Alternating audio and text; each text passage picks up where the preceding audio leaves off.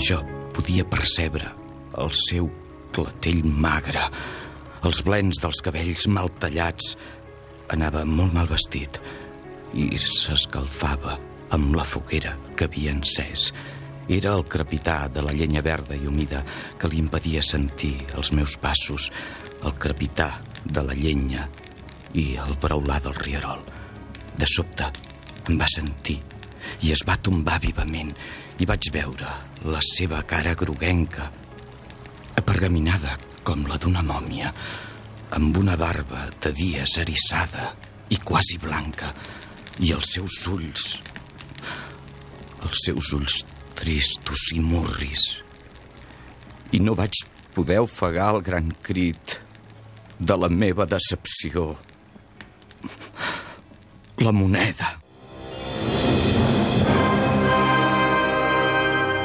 Catalunya Ràdio presenta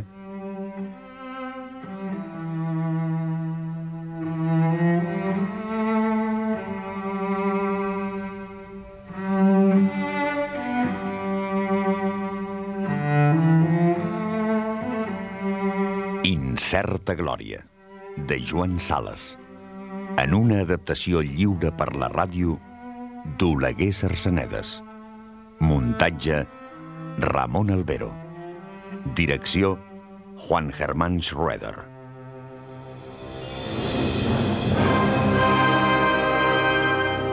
Incerta Glòria, de Joan Sales.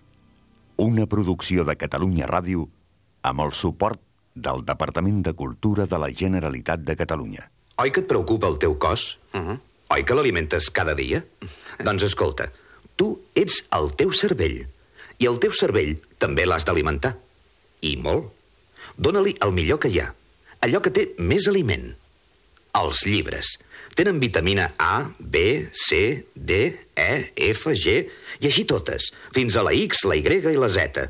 Alimenta el teu cervell. Llegeix llibres. Catalunya. Endavant amb la cultura. Capítol 74. La duquessa i la marquesa.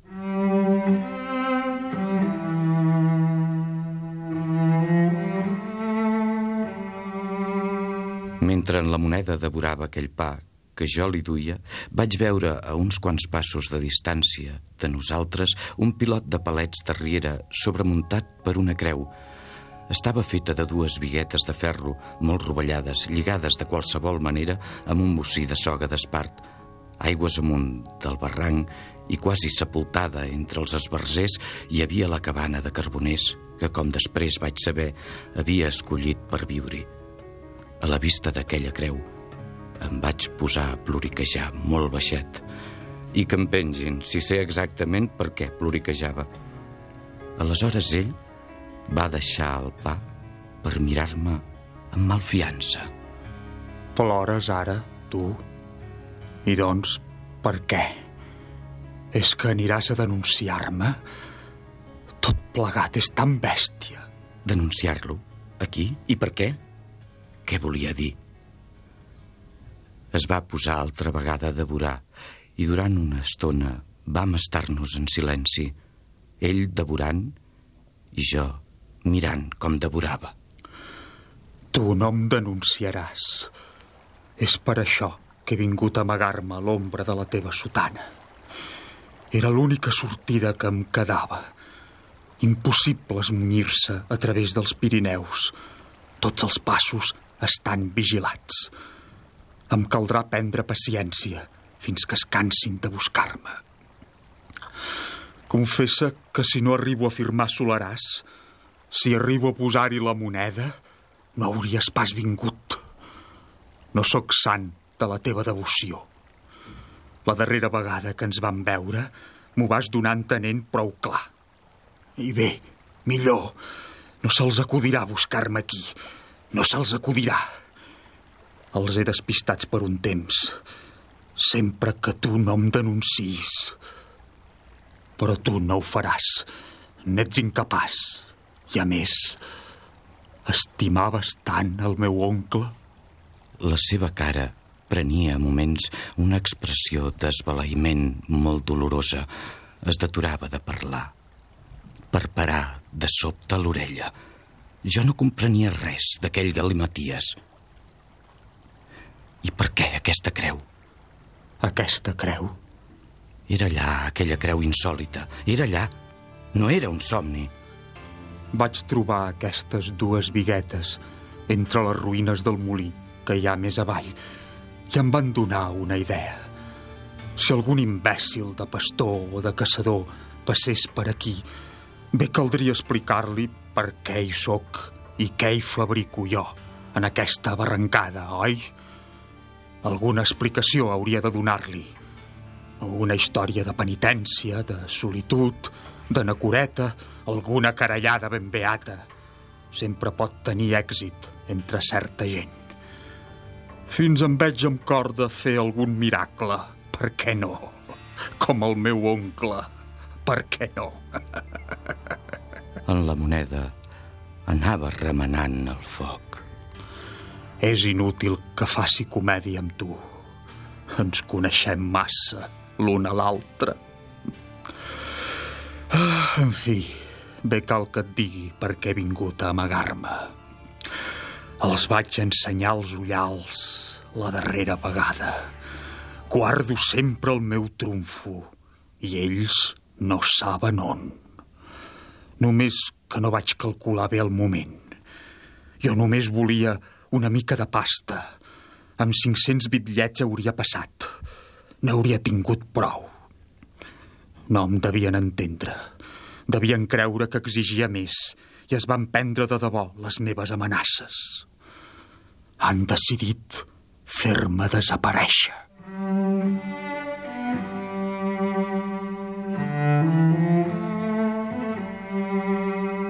Cada setmana i sempre de nit hi vaig anar per dur-li provisions.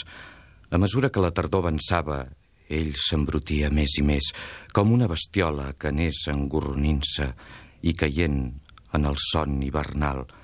Jo el trobava sempre reulit al fons de la cabana, sota un munt de palla podrida. Algunes vegades, arribant-hi, quan encara era negra nit, l'havia sorprès llegint a la claror d'un gresol que jo mateix li havia dut, Amagava el gros manuscrit sota la palla, així que em veia. Era, va acabar per confessar-m'ho, la seva obra mestra, el coronament de la seva vida. Quan les primeres glaçades matinals van fer la seva aparició, la idea de passar clandestinament als Pirineus amb el seu manuscrit li va tornar a venir, Tenia la certesa que a París trobaria allò que a Barcelona no havia trobat mai, un editor. Però per emprendre aquell viatge li hauria calgut roba blanca, mitjons, un vestit presentable, un bon abric, diners... Podia tallar-li jo mateix els cabells i deixar-li la meva navalla per afeitar-se. Però, i la resta? Ell no tenia ni un clau, i jo tampoc.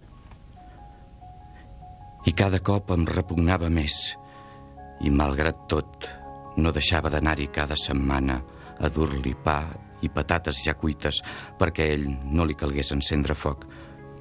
Malgrat tot, hi anava.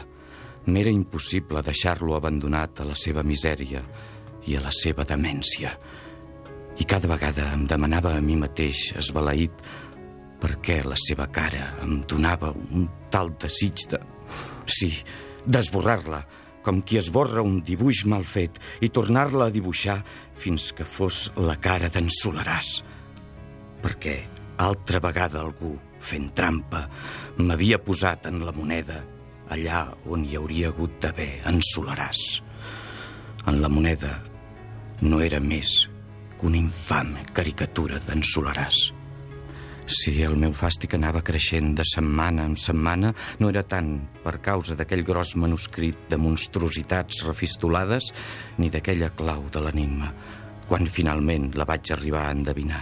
No, el meu fàstic hauria estat el mateix, de totes maneres, perquè en la moneda era l'antisolaràs, era l'antihome, era Caïm. Però el cert és que m'atreia de més en més. M'atreia tant més com més fàstic em feia. M'atreia com certes dones molt canalles atreuen de vegades a un home cast o que hauria de ser-ho. Glaçava fora de la cabana. Tots dos érem dins. La seva pudor calenta de cau de guineu i per la boca vedada de l'obertura jo entreveia contra la vaga claror de fora aquella creu de ferro rovellat. Jo sentia en la fosca la veu que em recitava de memòria llargs passatges de la seva novel·la i això era la nit després d'aquella en què havia sopat al Pales en què havia vist la Trini amb aquell xal de randa negra i aquell moadelló de brillants, fascinadora amb els seus cabells blanquíssims a la llum dels ciris i de les flames de la llart. I vet aquí que ara, a la fosca d'aquell cau, sentia la seva veu una lletania de monstruositats incomprensibles, tot allò d'aquella duquessa molt madura i d'aquella marquesa molt verda, tot aristocràcia de la més refistolada. L'heroi, un jove gent secret a qui Himmler havia posat les més grans esperances i que, en efecte, estava escalant els llocs més alts de la diplomàcia de l'imperi, era irresistible als seus ulls, tant els de la duquessa madura com de la marquesa verda. Rendides, no sabien refusar-li res. Jo m'hi perdia. El gran mundo y yo somos así, señora. El conte Rencesvinto. I comentava la duquesa Atalanta. Richelieu era un cándido comparado contigo, Recesvinto. Gracias a ti, en nuestro imperio ya nunca jamás volverá a ponerse el sol. La seva veu anava recitant de memòria capítols sencers. Una nit no em recitava la seva novel·la, feia projectes. Això li agafava sovint. Es posava a somiar en veu alta unes coses estranyíssimes. Em necessitaran una altra vegada, aquests canalles. No se'n podran passar. M'havia parlat diverses vegades, i sempre en termes nuvolosos, d'una nova catàstrofe prèvia. Aquella nit hi tornava. Dins el meu cap, la idea sorprenent havia aparegut per fi. Li sentia allotjada, com una migranya. Ell recitava i jo suava d'angúnia. Recitava sense parar i jo ja no el sentia. No em vaig adonar que havia callat fins que, després d'un silenci, la seva veu canviada em va arribar en to suplicant. Si em passés una desgràcia, te n'encarregaries. M'ho promets? Encarregar-me? De què? Doncs, de publicar-la.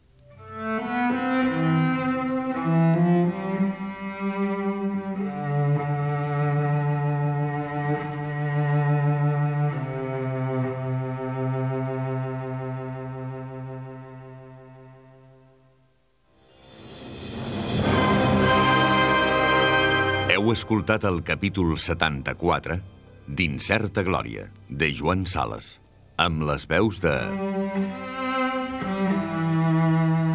Cruells, Enric Major. La moneda, Francesc Balcells. Incerta Glòria, de Joan Sales, una producció de Catalunya Ràdio. Amb el suport del Departament de Cultura de la Generalitat de Catalunya. Oi que et preocupa el teu cos? Uh -huh. Oi que l'alimentes cada dia? doncs escolta, tu ets el teu cervell. I el teu cervell també l'has d'alimentar. I molt. Dóna-li el millor que hi ha. Allò que té més aliment. Els llibres. Tenen vitamina A, B, C, D, E, F, G, i així totes, fins a la X, la Y i la Z. Alimenta el teu cervell. Llegeix llibres. Catalunya. Endavant amb la cultura.